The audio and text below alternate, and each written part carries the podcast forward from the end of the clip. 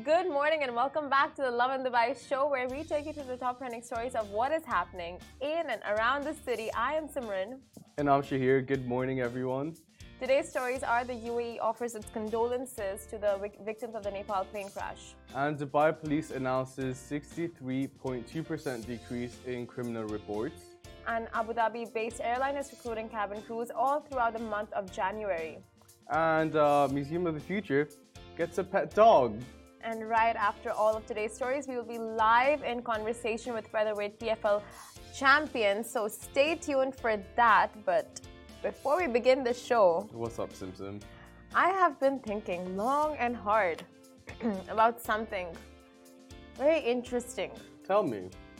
Have you noticed everything in life is basically a scorecard? You know, like you have to keep a score of everything you do, be it relationships, be in, it work, Okay. You know, be it family. Like you just have to keep a score of everything you're doing because. What do you mean with fa- with family and relationships? Clarify. What are you scoring exactly? How happy you are?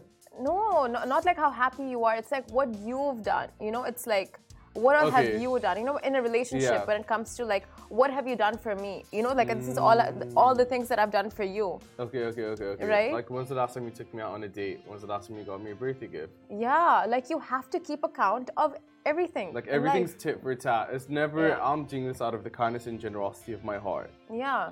But that's complete opposite to what Ibrahim from Dubai Bling said yesterday when we spoke to him. Also, interview next week on Monday.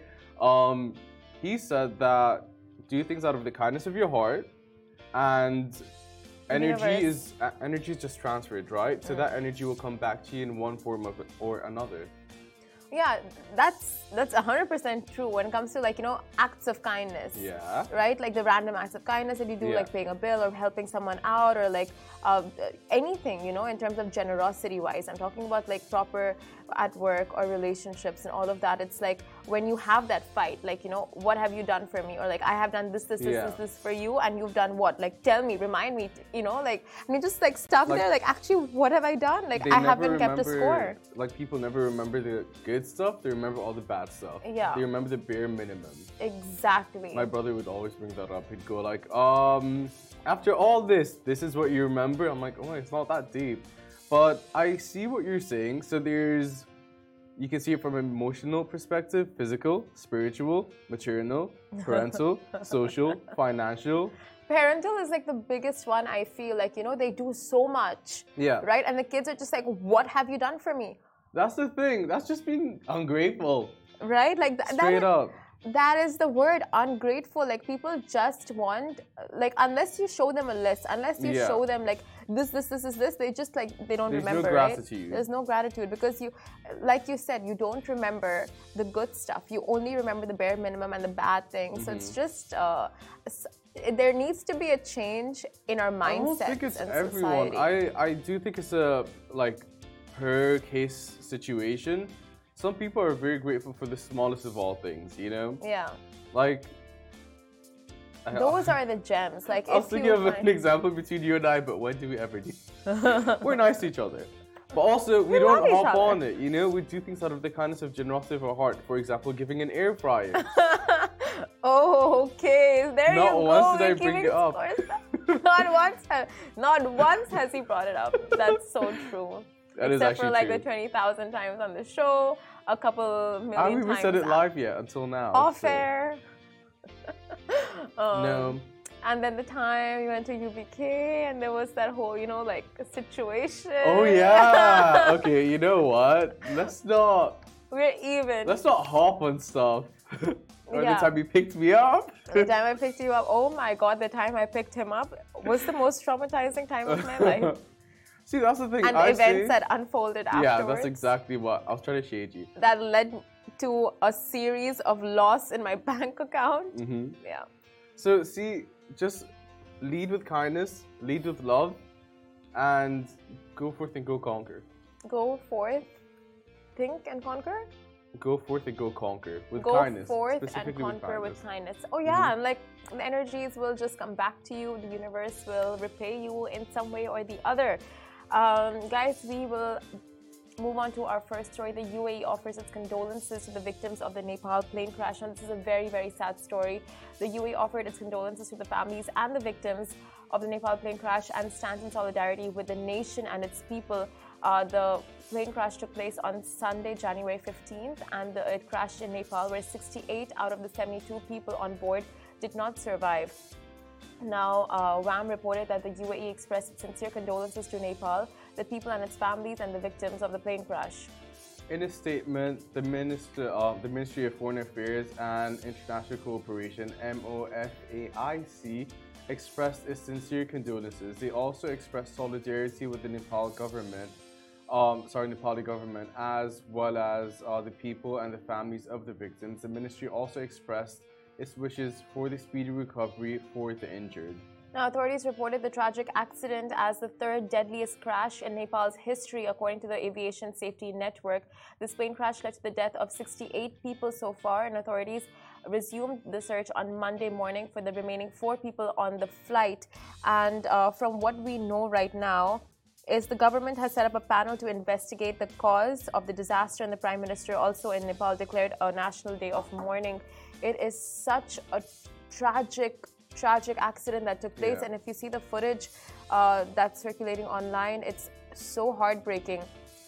And apparently, two passengers from the plane went live on Facebook uh, moments before the plane crash, and you can just see how, from something that was so, you know, normal, like of them showing the view from their window, uh, it really spiraled. Honestly, I couldn't, everything on social media, I couldn't even look at it. I think it's completely heartbreaking. So, It's so sad. And just to hear the stories of the victims, I mean, like, our thoughts and prayers are with the families right now, and um, it's just a very sad story. moving on to our next story, the Dubai police announces a 63.2 decrease in criminal reports. So, the General Department of Criminal Investigation, CID, and the Dubai police recorded a 63.2 decrease in criminal report uh, filed in 2022 compared to 2021. The Crime Prevention Department arrested 422 wanted individuals for various charges. The Lost and Found Department returned items to 745 beneficiaries and honored 14 individuals who um, handed um, forgotten valuables over to the police.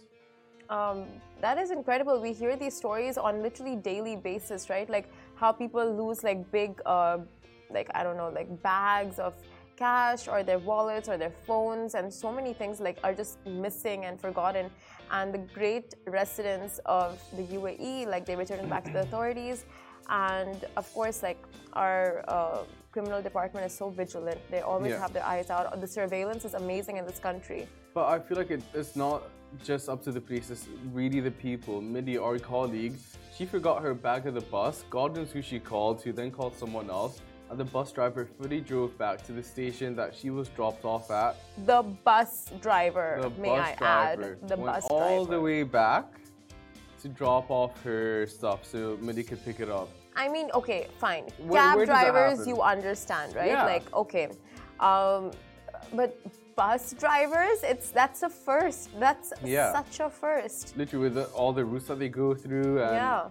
all the complexities of bus routes in general like it just goes to show lead with kindness Lead with You know? kindness, yeah. And everywhere you go, just like leave your mark, become friendly with like you know the the uh, the captains, Mm-hmm. and they'll just help you out in times of need. But of course, like you don't need to do any of that. Like without anything being done and said, you have just these acts of kindness being also performed. there's like a general um sense of happiness Mm. with all the drivers across the EE. I've noticed like I've never entered a cab and I'm like what's with the attitude you never think that they always ask how are you how's your day going where are you from how old are you what do you do you know just like They general keep it questions. professional. Yeah, one hundred percent. And I love that. But If it- very friendly. Yeah, friendly and professional. And if it does get like a little, um, you know, personal, it's there is still that boundary. Yeah, for sure. Whereas in other countries, like drivers get ex- either extra friendly, extra rude. It's like you always face extremes with Yeah. them. And over here, the training is done so well. It's like keep it professional with the customers. hundred percent. If the passengers happen to be friendly, the conversation goes that way. If, if not, like they respect your space. Exactly. Uh, and now, if you have been looking for a job, and that too in the aviation industry, this news will be right up your alley now. An Abu Dhabi based airline is recruiting cabin crew members throughout January. So polish your CVs because Etihad is now hiring cabin crew members all throughout Jan. And uh, this is because the demand right now for travel is surging. And to be based in Abu Dhabi, cabin crew are provided with fully furnished accommodations, competitive salaries, medical insurance, and a fantastic travel benefit package for them and their friends and their families. So, cabin crew members will also get discounts on food and beverage and leisure activities in the vibrant surroundings of the UAE's capital. Those interested um, in traveling the world for uh, living and can bring their CV to the open day. Uh, shortlisted candidate, candidates will also be invited for an interview the next day. Below is a list um, of the uh, open days. Available. Okay, so let's run through that. Now, Abu Dhabi had its open day yesterday uh, which was at Al Raha Beach Hotel. Maybe you guys can just drop by there and see they're still taking CVs, but I think it closed yesterday at 6 p.m. Now, uh, Dublin, Ireland is also hiring Radisson Blu. That's happening on January 17th, which is today. And then you have uh, Slovakia, Sheraton, uh, the Sheraton Hotel over there. So it's happening on Janu- January 24th there. Istanbul, Turkey, Radisson Blu Hotel. That's happening on January 25th and Madrid, Spain. It's happening on January 30th from 9 a.m. to 6 p.m. at the Melia Madrid Princesa Hotel. So you can do it there. So if you're interested in becoming cabin crew for Etihad, which sounds so attractive right now, it really is. I am so down. Like, not only do you travel the world, but once you get there, you have an allowance. You're there for a night or two. You get to experience a country you've never been through or been to before. Yeah. You don't have to go through the hassle of like waiting in line with everyone else at the desks. Oh my know? gosh. And when the cabin crews and like pilots walk past you at the airport, all Iconic. eyes are on them. It's a catwalk. It it's is whole thing. just oh, and they know it. They know it. Yeah, one hundred percent. They know they have all eyeballs on them. It's just like such flashy a suits, uniform. You know, oh giving the vibe. Oh. But also, like all the benefits that come outside of it, like wherever you dine, wherever you go for like food with your friends, wherever you go it for is, drinks. Yeah, There's, hard work comes with all those benefits. One hundred percent. Yeah, and it's incredible. Have you ever wanted to be part of cabin crew? I wanted to be a pilot. A pilot. Same. Yeah. Really? Yeah. You? Yeah. no shade. Just like really. I really wanted to, and up to like senior year, I was like, you know what? Do I really want this, or do I want it because I'm named after my uncle, and he was a pilot, mm. and most of my family work in the industry. Right, so it's your like brother. a rite of passage. My brother, both my parents, like everyone in my family, mm-hmm. um, all of my mom's siblings, literally all of them. Oh wow! And my dad's brother. That's so why you enjoy my... so much free discounted travel, literally. Not anymore. To any... Not anymore. No. You've been cut out. No, there. I don't know. There's just a system. It's complicated. I don't know. You know, Airline politics. What can I say? So Etihad, right? Like, mm-hmm. uh, we just told you guys that the benefits extend to their family and friends. So. Yeah. This is a shout out, not a shout out. This is a little PSA to my friends. If you guys are thinking of, you know, joining part of cabin crew, please go ahead, do it. You know, you have my blessings. Throw her bone, she needs it. but honestly, that's one of the coolest benefits. Like the amount of people that go like, oh yeah, I have like 50%. It's called ID50. You know, oh. just from their friends, the airlines and the UAE make it so much easier for you to share those benefits in comparison yeah. to different parts of the world. Man, honestly, like if I had the height, I would be ruling the. Was it a height thing? I don't know. I never tried. I'm assuming because of my height, I would never get in. Yeah, I don't to, think like, you could be crew. cabin crew because you need to reach like the suitcases. Yeah, I can't even reach to like put it in first of all when I'm on a flight. Forget like helping others. Just the cards you were dealt in life. Sorry. okay, moving on to our next story. So the Museum of the Future gets a pet. And it's quite the little character. So the robotic canine is a newest member of the Museum of the uh, Future's robot family. The pup has 3D vision, moves using 17 joints, and he's really good at being interactive and playful, and just a good little boy. Uh, so the Museum of the Future is inviting people on social media to name their robo dog. Individuals can suggest names via the museum's social media handles, including Twitter and Instagram. Mm, Robo Dog. I feel like that itself is a name. Bro Uh, dog. Row Dog. No. Well, okay, Roboto. wh- What are some like basic dog names? Um, I don't know. What would you, you just search him? dog names. No. Bella. Ali says Spike. Spike. Spike's a good one. Spike. Zeus. Zeus. No, like I you have to you have to mix Zeus. you have to mix a normal name with like a robotic Yeah. name. Okay. Um, cupcake. Cupcake. cupcake. Uh, bite cake. Cup bite. No. Cup bite. Bite size. Bite. Or um, bite. what's that? Robite. Star Wars thingy. Robite. Robite. Oh my gosh. Why are we even like going into this? We're not gonna consider our names. names. I feel like there is one specific one that's definitely gonna work. One will stick. One will stick. Flipper, Dusty, Elliot, Moss, Tyrell, Lloyd, Wally. Wally. I was literally thinking of Wally? I was like, this Robo Dog that would work. It looks like Wally as well. It does look like a Wally. to a certain level, like a more modernized version Sure. of Wally. Um, but I mean, the Museum of the Future first it gets that robot assistant, right, who welcomes you to the Yeah. place and gives you your tickets, and now it has a robo dog. I wonder what are the functions of the robo dog, or if it just like goes around, you know, Bringing the vibes. stalking people, or not stalking, like just guiding people. Yeah, like what, what would you want? guide. You can pet it. It's not gonna bite you. For sure, it's not gonna bite you. You know, so if you have a fear of dogs, like that's a It's good not gonna way. bite. B Y T E. Yes, I got it. bite. I've been saying that for the last like uh, first you? five minutes of this year. I'm like bite, bite, bite, bite. I didn't notice, but Roll bite really, really does work. Uh huh? Let's contact Museum of the Future. Okay. Right? Ali agrees. Bite. B I T E. B Y T E. Oh. yeah. Oh my god. Okay, you know what? Before we get into our interview uh, with Brendan, who is a featherweight PFL champion, let's do Shahir shout outs. You put me in the spot. It's not like we speak about this ever. Okay. Let's get started. Okay, I'll give you the names. I mean, because that's all I can do in this segment. Okay. Uh, Cleon. Good morning, Cleon. How, how are you? I don't want to say. Shahir shout outs needs to be more Okay. like eccentric. Cleon! Does that work? That works. Carol Nasser. Good morning, Carol Nasser. Sabah al khair. Ajmal. Ajmal. No one's more Ajmal than you. Oh, mhm. Ajmal means um, prettiest, most beautiful. Isn't that it. Jamila? Ajmal, right? More beautiful. More Like- beautiful. yeah. Okay. Uh, let's do Rakesh Goswami. Good morning, Rakesh Goswami. Wait, look here, look there. She's it's actually giving names I can't pronounce. Hamoud says, "Love you, Dubai. Dubai loves you back." Why are you not letting me give you the names? Okay, Sinan. Good morning, Sinan. Uh, Walid. Good morning, Wadid. Um, How are you? I'm looking for easy to say names. Uh, Thanks for watching, Wadid. I don't know how to say that myself. Uh, Booty.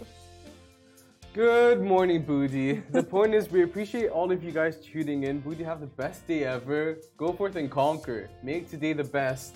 Nutrition coach Kanika says, Good morning, Dubai. Good morning, nutrition coach Kanika.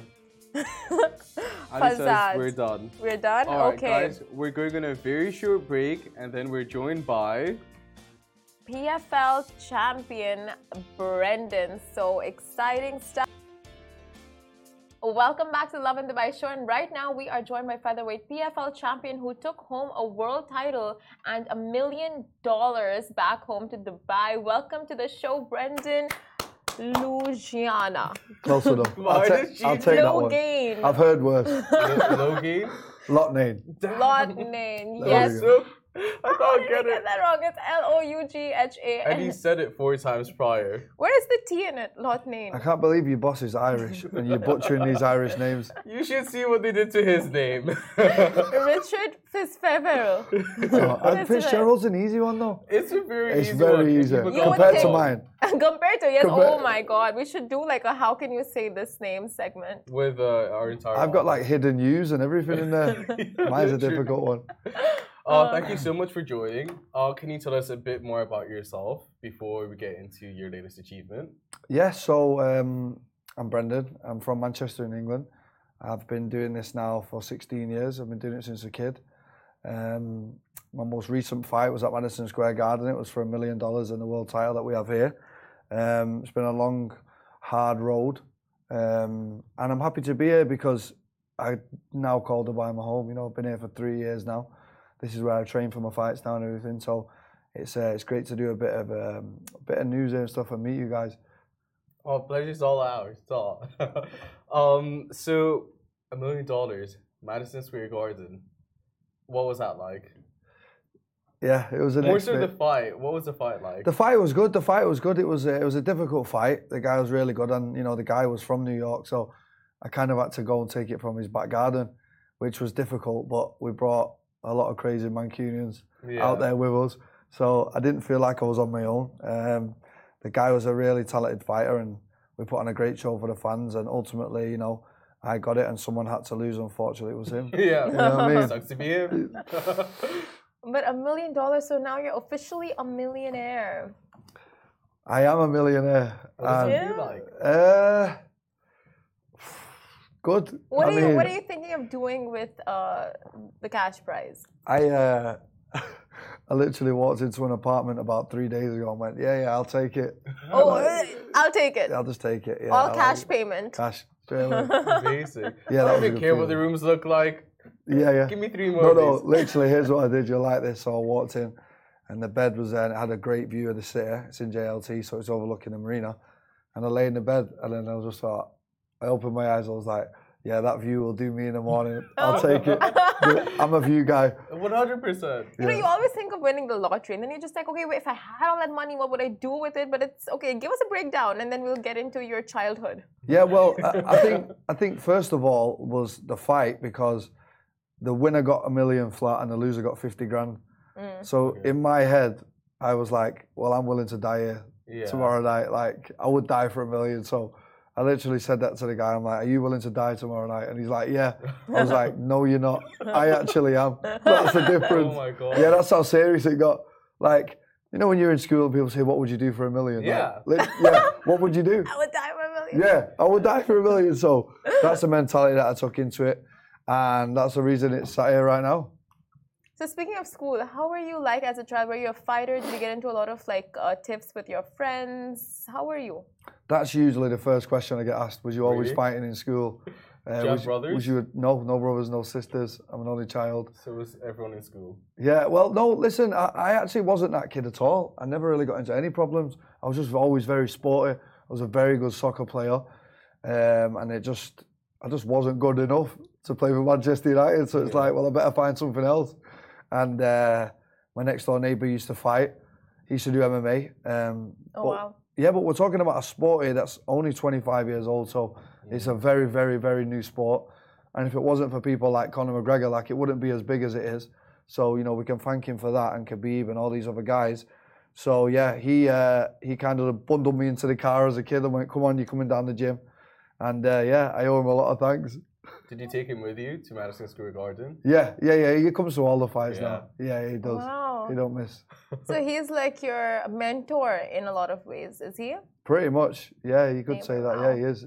So what was the preparation process like? It's been a long time coming. What did you have to go through to get to the stage where you're at now? Hell, I'm back. Yeah. Yeah, yeah, yeah. Hell, I'm What- back. what's hell like? Hell, I actually found a bit of peace in hell because I was in there that long. Wow, that's Um, deep. yeah, it was. I, I know. I just, I just trained unbelievably hard. I was always known for that guy that would just always be in the gym and like, bit of a gym rat. They used to call me like, "Go home. Do you not have a life outside of fighting?" and I was like, "No, I don't. You know what I mean? This is what I do." Yeah. Um, and they say if you want to be great at something, you know, you've got to be absolutely obsessed, and that's exactly what I am. But walk us through the preparation process. How many hours are you spending at the gym? What are you eating? Mentally, how are you preparing? Um, so like I say again, I've had a lot of fights. This was my 41st fight, so I'm used to all. I fought in America before, maybe nine times. I fought in Madison Square Garden before this as well, so I was used to the process. And uh, I took myself to Thailand for six weeks um, because there was some high-level Russian training partners that I used to train with, and yeah, just got after it. Did, Oh, the Russians. oh yeah, the Russians don't mess around. They're my favorite people Were to train with. Intense, intense. I'd be terrified. They were scared of me by the end of it. I Oh, was, Yeah, I was just yeah, I was on like I was on a warpath because I knew what was coming at the end of it. Mm. So you can imagine how hard I trained. Um, I left every last bit of my soul in that training camp, and that's why we got it. So, what all techniques did you learn in the training camp? Like different styles of fighting, is it? What's great about Thailand, is a gym called Tiger Muay Thai, and everybody goes there. You have the Brazilians, the Eastern Europeans, the Russians, the English, and we all kind of melt together. It's like a melting pot of all different martial arts from all around the world, Yeah. and we all share knowledge. Um, and it's like a, a road that's about a mile long. That's it's just a great, the best environment for fighters. You know, maybe 15 to 20 food places, five yoga spots, seven gyms, hotels. Soy Thai it's called for anyone that wants to know. And it's, uh, it's a fantastic place. It's a very well known gym, Tiger Muay Thai. Created many, many, many UFC champions before me and I'm sure after me. And it is the perfect environment in order to succeed in this sport. So when was the moment that you realized you want to take this professionally and go as far as to win this beautiful heavy belt in front of us? Um, go to the training camp, go all in. What was that click for you? there was never a moment really like because this, the sport just wasn't big enough and like for many many many years i was just doing it because i enjoyed fighting i wasn't making anything for a long time um, i only really started making money over the last two years just because of guys like Conor and the espn deals that they've got now in DAZN and sky sports it's on all the big platforms now whereas when i first started it just wasn't um, so i was genuinely doing it for the love of the sport Yeah. which is crazy because it is so dangerous. Um, but then when it started to actually earn off it, like it was just, it was like, you're gonna really pay me that to do that that I've been so, doing what for free. So what point did you start getting paid? I think I signed for the PFL three years ago, and uh, But what exactly is the PFL? Could you PFL is an organisation. It's like the UFC. It's the second to the UFC. You got UFC, PFL, Bellator. It goes like this. Um, I was in the UFC for a bit too. Um, now I'm in the PFL, and um, I really enjoy fighting for the PFL because it's a different format. It's a tournament format, so you fight four times in seven months. You have to win all four. Um, yeah, and it's really, really wild. But you can have an on season and an off season. So right now I'm in off season, about to go back into on season, and scared, thinking no. I have to You go through got that again. this. You've got this. Do you have some like injury, some crazy injuries have you attained from these fights? Yeah, Yeah. yeah, yeah. Um, I think the craziest injury that I got, I broke my arm in in the middle of a fight once. Oh, Uh, I was fighting in Germany against a local guy, and um, I snapped my arm here. I did a, what a, s- a Oh, technique called a spinning back fist. So that means you spin around like this, boom, and the guy put his head down, and my arm snapped on his head. Do you want to try And on Simran? And uh, crazy as it sounds, I actually went on to win that fight with one arm. I ended up knocking him out with a head kick. Yeah, so that was probably the craziest story I've had in the cage. No Wow. pain, no gain. No, there was you. pain. Okay. There was a lot of Yeah, that's what I'm pain. saying. No pain, pain, no gain. gain. There was a lot of pain. Trust me. Uh, but question, you Yeah. said previously that you know uh, when you were at this training camp, it's like a melting pot of cultures. You guys were all like sharing techniques. Would you say that's important to like share your knowledge instead of just keeping it to yourself? Would you would you say that helps yourself grow and like the your you know competition grow because you're basically revealing trade secrets to competition, right? Of course, yeah, no, that's a very good question. So, well, when you're over there, I'm very like. So, for example, I'll give you an example. I uh, I broke my second toe like 12 days before the fight. I kicked this guy and he blocked it with his elbow, and my toe snapped. And then, because there's so many people in this gym, I don't really trust everybody. So I'm like, is somebody going to tell my opponent? And then my opponent put up a really funny post a few days after. And I'm like reading this post thinking, is he talking about my toe? And I'm like, My too. yeah, like is that about my? You know what the, the post actually said? There's a saying in America called "toe the line." Have you heard it? he, he put "toe the line," and I'm like, he knows about my toe. I actually have to Weird ask, coincidence, probably about your toe. I a- no, I asked him after the fight. I said, "Be honest." We went for dinner like three weeks after the fight. I was in Vegas, so we met up, and he went, "I had no idea." He goes, "That's a saying in America." I was like, "Thank God," because I thought somebody in the gym would has told him online. Your toe's broken? Yeah, What? yeah, yeah. During the fight? Literally, that's what I thought. So, yeah, I mean, like you say, there is a lot of people there, but it's also hard to not reveal your trade secrets. And everybody's a quite close knit community, and like Brendan's working on this this week. Brendan's game plans this. That can Mm-hmm. all come out. So. Are you um, okay with revealing these trade secrets? Like, if that means you're getting more knowledge in return from the other person? It's pretty hard for me to not reveal it now because there's so much, so many hours of YouTube Yeah. of me fighting that there's not much you're going to see in the gym that I've not already done in the cage. So So is that the best way to prepare for a fight? Is to study them basically? So recently, I've gone away from that. That used to be my thing. I used mm-hmm. to just stare at them all day and become obsessed with this person and know everything that they're doing. I'd be on their Instagram thinking what they do. But my last, like, In a healthy way. yeah, yeah, yeah, in an obsessed way. But yeah, but like my last four or five, I've completely gone away from it and like, I just pass the, the footage to my coaches. I say, you just tell me. And uh, because I did used to just drive myself crazy, like thinking he does this better than me, he does that mm. better than me. And like on the night, it doesn't really matter. They're going to lock the door and So do you think that release from the stress of what this person's up to led to that? maybe, yeah. I mean, you're the first person to actually verbalize it like that, but probably, yeah. Crazy. It does get stressful. I mean, imagine you're about to fight a guy. For example, I fought this guy last year. He's 19 and 0. He had Khabib in his corner. You know, he's like Khabib's best mate. Yeah. He wrestles bears for a living. Yeah. before he fought, fought me, he's wrestled bears.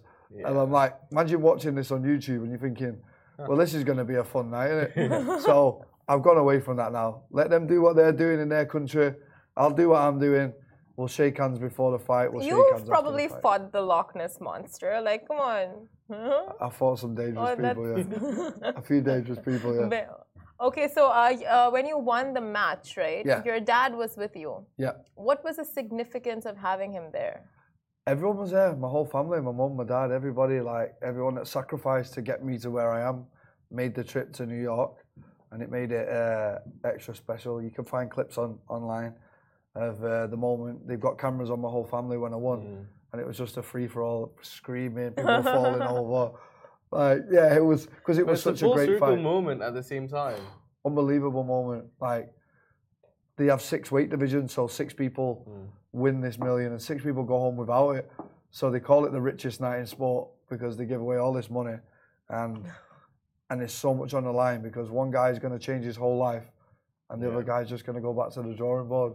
Wow. Yeah, Oh, no. insane. But you speak of all of this in such a spiritual way almost. Yeah. You know, you're not seeing it as a black and white situation. Like you seem to very Be a rationalize. sport about it. Yeah. Yeah, like the way you're approaching thinking of the sport in Yeah. general, it's very deep.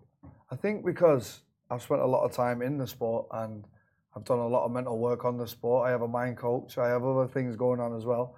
I'm really into yoga in a weird way.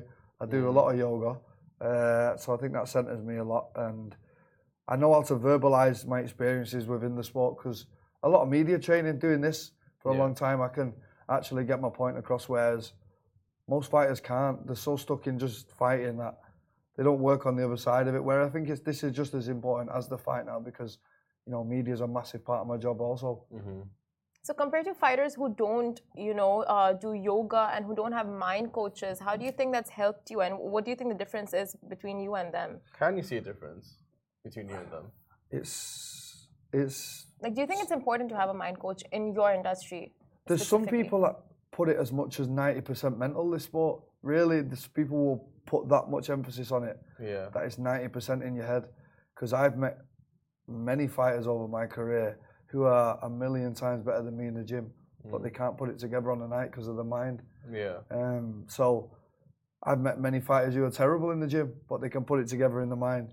So, I mean, you've got to make your mind bulletproof because at the end of the day, you're going in front of millions of people in a small pair of shorts in Madison Square Garden with the lights like this, Yeah. and you've got to fight this person, not to the death, but as close to Yeah. before the ref stops it. So you have to be uh, in another place mentally anyway to be able to even do that, right? Yeah. Any uh, tips that your mental coach has shared with you that you can, you know, like tell the audience about? Like in just terms of like making yourself bulletproof, making your mind bulletproof? Yeah, I- I think one of the main things I've always taken away from it is to not make it as big as it is. So, like, just just treat it like another day in the gym. I'll wake up, my coach will proper downplay the whole situation. So yeah, we're just going to the gym. You know, this guy's coming down. He's a pretty good fighter. We're going to spar him because that's what we do to prepare. We spar. Mm. So you know, we, we downplay everything, like, and then we get in the changing room. We have I have my own music on, Mm. what I've used all the way through the camp. So that'll just be familiar. What music's the- that? Bit of everything. It Yeah. can go either way in the gym with the music, depending on what mood I'm in. Um, then the walkout and all that, and then I'm just looking at the guy and I'm just in an insane state that I can't really uh, explain what it is. It's like a flow state. Mhm. You, you just stuff. Sometimes I'll watch fights back and not even realize that I've done that because I'm like, where did that even come from? But you're just in the flow state. Like you see, great footballers, any sports people, when they get in the zone, it's the zone. Mhm. And um, I think it's very important. The ones that actually succeed are the ones that can go into the zone and ignore this big moment and lights and just actually perform to the best of their ability. And that's what I've been managing to do over the last few years, especially. So you're saying that your coaches downplay it, right? But isn't it just what you make it? Like it being downplayed to that level is the same level of intensity almost as the matches. Downplay as in imagine like actually thinking that if you lose you're going to get 50 grand if you win you're going to get a million imagine that in your head and imagine thinking this guy's one of the best guys in america and i downplay all of that because it's like sometimes the fear of that can overtake Yeah. the, the moment and you don't you let the moment get to you instead of you taking the moment so i just treat it really really relaxed like whatever whatever whatever and usually it works out for me Mhm. Yeah, I mean, like because it can get overwhelming, you Of know, like all those like the pressure and then the audience like thinking of all of that all together. But before we uh, finish the interview, what is next for you? Um, back in training now. I've had like six weeks off. Not off, off. Little bits of training here and there, but time to get back to the grind. I'll probably go back to Thailand for the serious bit of the training camp. But yeah, just bought a proper. So excited to be a Dubai Congrats yeah, on homeowner that. now. So I'm happy about that. I can't wait to put all my little bits in there and Housewarming. make it homely. Are we invited? Yeah, of course. Come on, come down. JLT, nice little view. I love it.